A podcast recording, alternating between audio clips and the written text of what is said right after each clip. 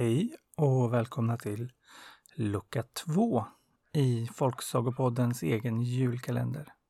Där ni får en saga om dagen hela vägen fram till jul. Och bakom lucka två, där hittar vi Grisen som ville få det bättre.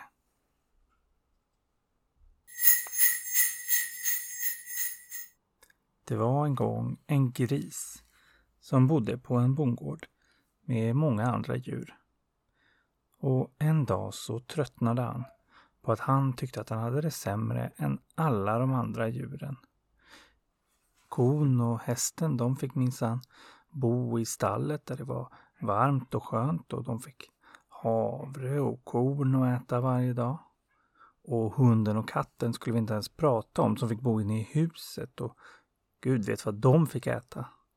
Nej, det var riktigt dåligt det här tyckte grisen som var tvungen att bo utomhus och fick äta matrester.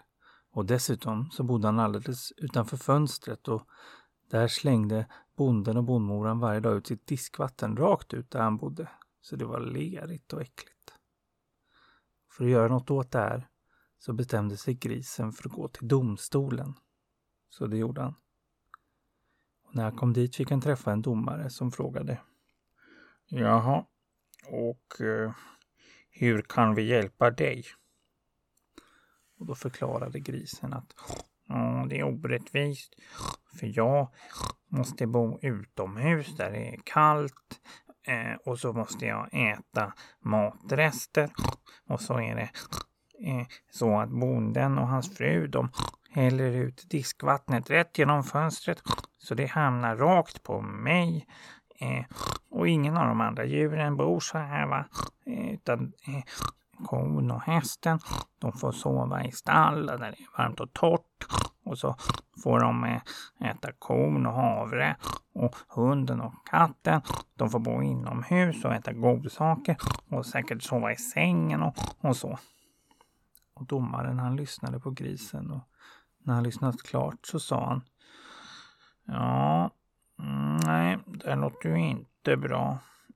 Mm, ja, jag dömer din bonde till att du ska få sova på sidenkudde. Och så ska du få äta havre och korn och en vetebulle varje dag. Hur låter det?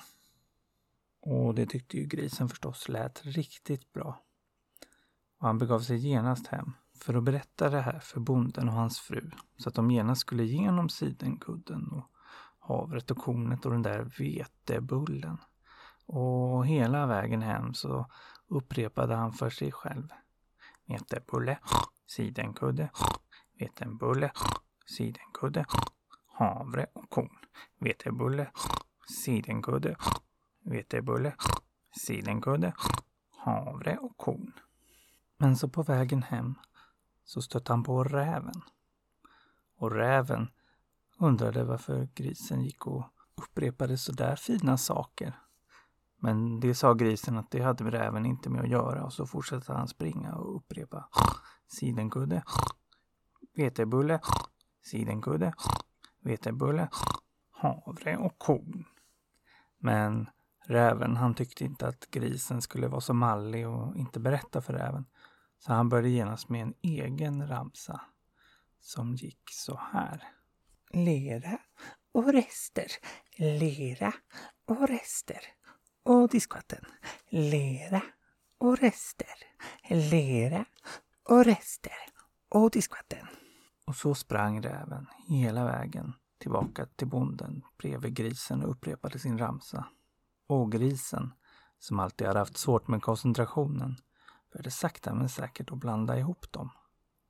Och när han kom tillbaka hem så hade bonden och hans fru fått höra om att deras gris hade begett sig in till domaren. Och de var förstås lite nervösa, för de visste att domaren kunde döma knasiga saker.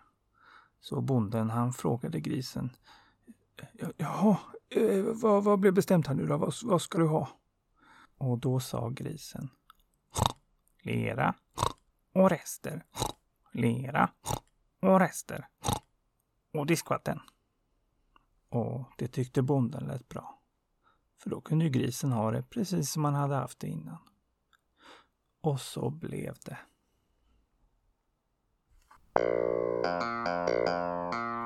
Ho, ho,